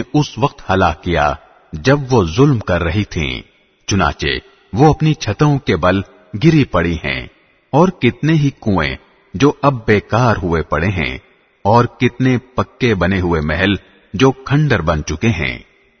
أفلم يسيروا في الأرض فتكون لهم قلوب يعقلون بها أو آذان يسمعون بها فإنها لا تعمى الأبصار ولكن تعمى القلوب التي في الصدور تو کیا یہ لوگ زمین میں چلے پھرے نہیں ہیں جس سے انہیں وہ دل حاصل ہوتے جو انہیں سمجھ دے سکتے یا ایسے کان حاصل ہوتے جن سے وہ سن سکتے؟ حقیقت یہ ہے کہ آنکھیں اندھی نہیں ہوتی بلکہ وہ دل اندھے ہو جاتے ہیں جو سینوں کے اندر ہیں۔ وَيَسْتَعْجِلُونَكَ بِالْعَذَابِ وَلَن يُخْلِفَ اللَّهُ وَعْدَهُ وَإِنَّ يَوْمًا عِندَ رَبِّكَ كَأَلْفِ سَنَةٍ مِّمَّا تَعُدُّونَ۔ اور یہ لوگ تم سے عذاب جلدی لانے کا مطالبہ کرتے ہیں۔ حالانکہ اللہ اپنے وعدے کی ہرگز خلاف ورزی نہیں کرے گا۔ اور یقین جانو کہ تمہارے رب کے یہاں کا ایک دن تمہاری گنتی کے مطابق ایک ہزار سال کی طرح کا ہوتا ہے۔ وَكَأَيِّن مِّن قَرْيَةٍ أَمْلَيْتُ لَهَا وَهِيَ ظَالِمَةٌ ثُمَّ أَخَذْتُهَا ثُمَّ أَخَذْتُهَا وَإِلَيَّ الْمَصِيرُ اور کتنی ہی بستیاں ایسی تھیں جنہیں میں نے مہلت دی تھی اور وہ ظلم کرتی رہیں۔ پھر میں نے انہیں پکڑ میں لے لیا اور سب کو آخرکار میرے پاس ہی لوٹنا ہوگا۔ قل يا أيها الناس إنما أنا لكم نذير مبين اے پیغمبر، کہہ دو کہ اے لوگو، میں تو تمہیں وضاحت کے ساتھ خبردار کرنے والا ہوں۔ فالذين آمنوا وعملوا الصالحات لهم مغفرة ورزق كريم پھر جو لوگ ایمان لے آئے اور نیک عمل کرنے لگے تو ان کے لیے مغفرت ہے اور باعزت رزق ہے۔ والذين سعوا في آياتنا معاجزين أولئك أصحاب الجحيم اور جن لوگوں نے ہماری نشانیوں کو نیچا دکھانے کے لیے دوڑ دھوپ کی ہے، تو وہ دوزخ کے باسی ہیں۔ وما أرسلنا من قبلك من رسول ولا نبي إلا إذا تمنى ألقى الشيطان في أمنيته فينسخ الله ما يلقي الشيطان فينسخ الله ما يلقي الشيطان ثم يحكم الله آياته والله عليم حكيم۔ اور اے پیغمبر، تم سے پہلے ہم نے جب بھی کوئی رسول یا نبی بھیجا، تو اس کے ساتھ یہ واقعہ ضرور ہوا کہ جب اس نے اللہ کا کلام پڑھا، تو شیطان نے اس کے پڑھنے کے ساتھ ہی کفار کے دلوں میں کوئی رکاوٹ ڈال دی۔ پھر جو رکاوٹ شیطان ڈالتا ہے، اللہ اسے دور کر دیتا ہے۔ پھر اپنی آیتوں کو زیادہ مضبوط کر دیتا ہے۔ اور اللہ بڑے علم کا، بڑی حکمت کا مالک ہے۔ ليجعل ما يلقي الشيطان فتنة للذين في قلوبهم مرض والقاسية قلوبهم وإن الظالمين لفي شقاق بعيد. یہ شیطان نے رکاوٹ اس لیے ڈالی تاکہ جو رکاوٹ شیطان نے ڈالی تھی اللہ اسے ان لوگوں کے لیے فتنہ بنا دے، جن کے دلوں میں روگ ہے اور جن کے دل سخت ہیں۔ اور یقین جانو کہ یہ ظالم لوگ مخالفت میں بہت دور چلے گئے ہیں۔ وليعلم الذين اوتوا العلم انه الحق من ربك فيؤمنوا به فتخبت له قلوبهم وان الله لهادي الذين امنوا الى صراط مستقيم اور اس رکاوٹ کو اللہ تعالی نے اس لیے دور کیا تاکہ جن لوگوں کو علم عطا ہوا ہے، وہ جان لیں کہ یہی کلام برحق ہے، جو تمہارے پروردگار کی طرف سے آیا ہے۔ پھر وہ اس پر ایمان لائیں اور ان کے دل اس کے آگے جھک جائیں اور یقین رکھو کہ اللہ ایمان والوں کو سیدھے راستے کی ہدایت دینے والا ہے۔ ولا يزال الذين كفروا في مرية منه حتى تأتيهم الساعة، حتى تأتيهم الساعة بغتة أو يأتيهم عذاب يوم عقيم اور جن لوگوں نے کفر اپنا لیا ہے، وہ اس کلام کی طرف سے برابر شک ہی میں پڑے رہیں گے۔ یہاں تک کہ ان پر اچانک قیامت آ جائے، یا ایسے دن کا عذاب ان تک آ پہنچے جو ان کے لیے کسی بھلائی کو جنم دینے کی صلاحیت سے خالی ہوگا۔ الملك يومئذ فالذين آمنوا وعملوا الصالحات في جنات النعيم. بادشاہی اس دن اللہ کی ہوگی، وہ ان کے درمیان فیصلہ کرے گا، چنانچہ جو لوگ ایمان لائے ہیں اور انہوں نے نیک عمل کیے ہیں، وہ نعمتوں کے باغات میں ہوں گے۔ والذين كفروا وكذبوا بآياتنا فأولئك لهم عذاب مهين اور جن لوگوں نے کفر اپنا لیا ہے اور ہماری آیتوں کو جھٹلایا ہے، تو ایسے لوگوں کے لیے ذلت والا عذاب ہوگا۔ والذين هاجروا في سبيل الله ثم قتلوا أو ماتوا ليرزقنهم الله ليرزقنهم الله رزقا حسنا وإن الله لهو خير الرازقين اور جن لوگوں نے اللہ کے راستے میں ہجرت کی، پھر قتل کر دیے گئے، یا ان کا انتقال ہو گیا، تو اللہ انہیں ضرور اچھا رزق دے گا۔ اور یقین رکھو کہ اللہ ہی بہترین رزق دینے والا ہے۔ لَيُدْخِلَنَّهُمْ مُدْخَلًا يَرْضَوْنَهُ وَإِنَّ اللَّهَ لَعَلِيمٌ حَلِيمٌ وہ انہیں ضرور ایسی جگہ پہنچائے گا جس سے وہ خوش ہو جائیں گے اور اللہ یقیناً ہر بات جاننے والا بڑا بردبار ہے۔ ذلك ومن عاقب بمثل ما عوقب به ثم بغي عليه لينصرنه الله. إن ان اللہ لعفو غفور۔ یہ بات تو طے ہے، اور آگے یہ بھی سن لو کہ جس شخص نے کسی کو بدلے میں اتنی ہی تکلیف پہنچائی جتنی اس کو پہنچائی گئی تھی، اس کے بعد پھر اس سے زیادتی کی گئی، تو اللہ اس کی ضرور مدد کرے گا۔ یقین رکھو کہ اللہ بہت معاف کرنے والا، بہت بخشنے والا ہے۔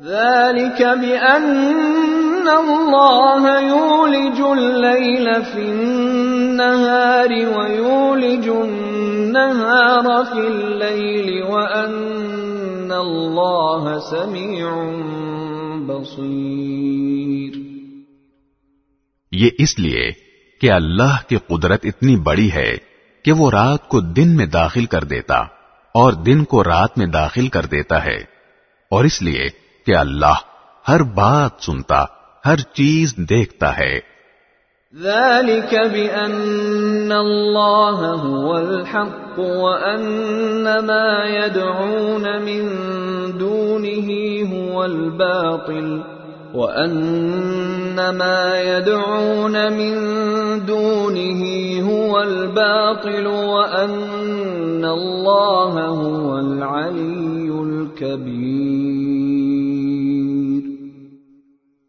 یہ اس لیے کہ اللہ ہی حق ہے، اور یہ لوگ اسے چھوڑ کر جن چیزوں کی عبادت کرتے ہیں، وہ سب باطل ہیں، اور اللہ ہی وہ ہے، جس کی شان بھی اونچی ہے، رتبہ بھی بڑا۔ ألم تر أن الله أنزل من السماء ماء فتصبح الأرض مخضرة إن الله لطيف خبير کیا تم نے نہیں دیکھا کہ اللہ نے آسمان سے پانی اتارا جس سے زمین سر سبز ہو جاتی ہے؟ حقیقت یہ ہے کہ اللہ بڑا مہربان ہر بات سے باخبر ہے۔ له ما في السماوات وما في الأرض وإن الله لهو الغني الحميد جو کچھ آسمانوں میں ہے اور جو کچھ زمین میں ہے سب اسی کا ہے۔ اور یقین رکھو کہ اللہ ہی وہ ذات ہے جو سب سے بے نیاز ہے بذات خود قابل تعریف۔ ألم تر أن الله سخر لكم ما في الأرض والفلك تجري في البحر بأمره والفلك تجري في البحر بأمره ويمسك السماء أن تقع على الأرض إلا بإذنه. إن الله بالناس لرؤوف رحيم.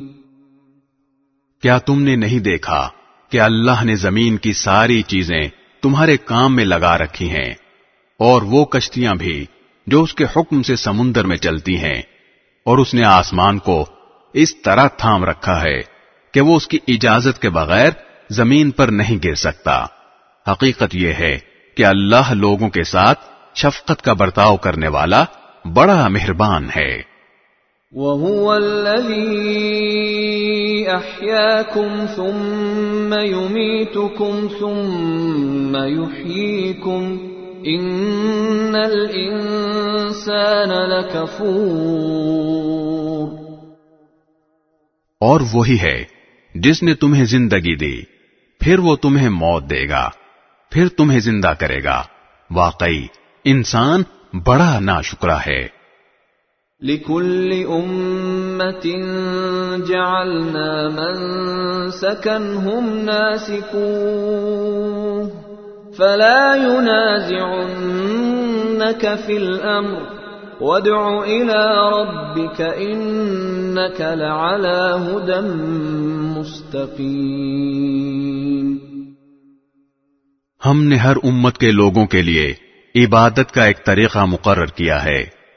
جس کے مطابق وہ عبادت کرتے ہیں۔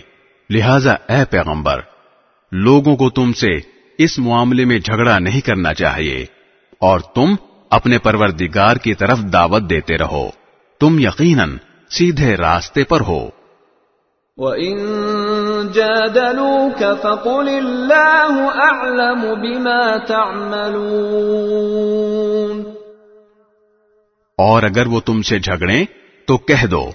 کہ جو کچھ تم کر رہے ہو اللہ اسے خوب جانتا ہے۔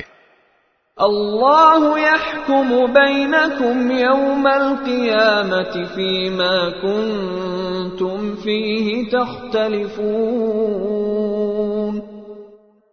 اللہ قیامت کے دن تمہارے درمیان ان باتوں کا فیصلہ کرے گا جن میں تم اختلاف کیا کرتے تھے۔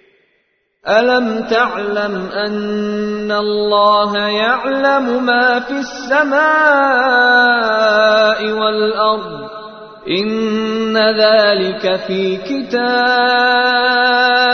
إن ذلك على الله يسير کیا تم نہیں جانتے کہ آسمان اور زمین کی تمام چیزیں اللہ کے علم میں ہیں؟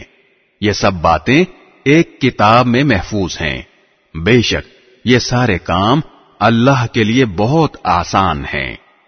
ويعبدون من دون الله ما لم ينزل به سلطانا وما ليس لهم به علم وما للظالمين من نصير۔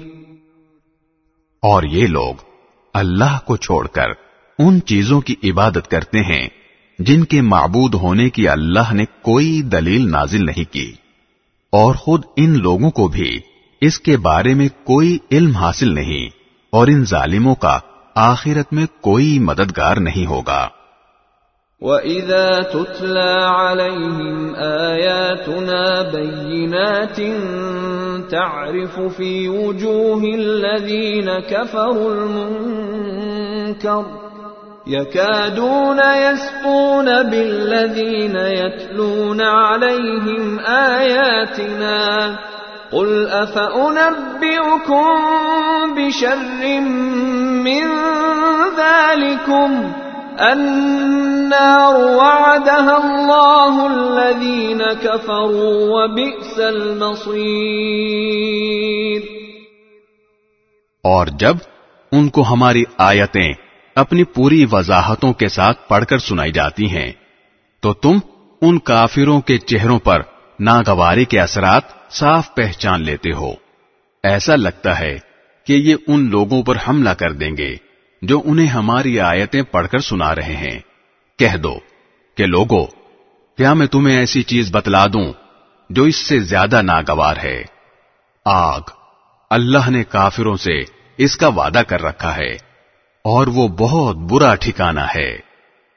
يا أيها الناس ضرب مثل فاستمعوا له۔ إن الذين تدعون من دون الله لن يخلقوا ذبابا ولو اجتمعوا له وإن يسلبهم الذباب شيئا لا يستنقذوه منه ضعف الطالب والمطلوب لوگو ایک مثال بیان کی جا رہی ہے۔ اب اسے کان لگا کر سنو۔ تم لوگ اللہ کو چھوڑ کر جن جن کو دعا کے لیے پکارتے ہو، وہ ایک مکھی بھی پیدا نہیں کر سکتے۔ چاہے اس کام کے لیے سب کے سب اکٹھے ہو جائیں۔ اور اگر مکھی ان سے کوئی چیز چھین کر لے جائے، تو وہ اس سے چھڑا بھی نہیں سکتے۔ ایسا دعا مانگنے والا بھی بودا، اور جس سے دعا مانگی جا رہی ہے، وہ بھی۔ ما قدر الله حق قدره إن الله لقوي عزيز ان لوگوں نے اللہ کی ٹھیک ٹھیک قدر ہی نہیں پہچانی۔ حقیقت یہ ہے کہ اللہ قوت کا بھی مالک ہے، اقتدار کا بھی مالک۔ الله يصطفي من الملائكة رسلا ومن الناس. إن الله سميع بصير اللہ فرشتوں میں سے بھی اپنا پیغام پہنچانے والے منتخب کرتا ہے اور انسانوں میں سے بھی، یقیناً اللہ ہر بات سنتا ہر چیز دیکھتا ہے۔ يعلم ما بين أيديهم وما خلفهم وإلى الله ترجع الأمور۔ وہ ان کے آگے اور پیچھے کی ساری باتوں کو جانتا ہے اور اللہ ہی پر تمام معاملات کا دار و مدار ہے۔ يا أيها الذين آمنوا اركعوا واسجدوا واعبدوا ربكم واعبدوا ربكم وافعلوا الخير لعلكم تفلحون اے ایمان والو، رکوع کرو اور سجدہ کرو اور اپنے پروردگار کی بندگی کرو اور بھلائی کے کام کرو۔ تاکہ تمہیں فلاح حاصل ہو۔ وجاهدوا في الله حق جهاده هو اجتباكم وما جعل عليكم في الدين من حرج ملة أبيكم إبراهيم۔ هو سماكم المسلمين من قبل وفي هذا ليكون الرسول شهيدا عليكم ليكون الرسول شهيدا عليكم وتكونوا شهداء على الناس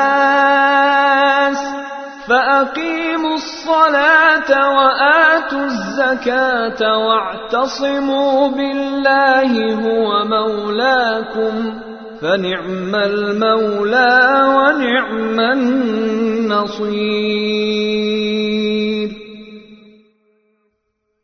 اور اللہ کے راستے میں جہاد کرو، جیسا کہ جہاد کا حق ہے۔ اس نے تمہیں اپنے دین کے لیے منتخب کر لیا ہے۔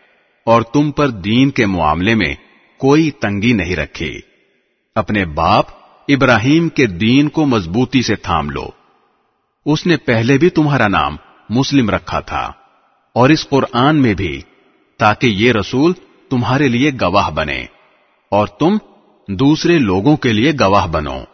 لہذا نماز قائم کرو اور زکات ادا کرو اور اللہ کو مضبوطی سے تھامے رکھو۔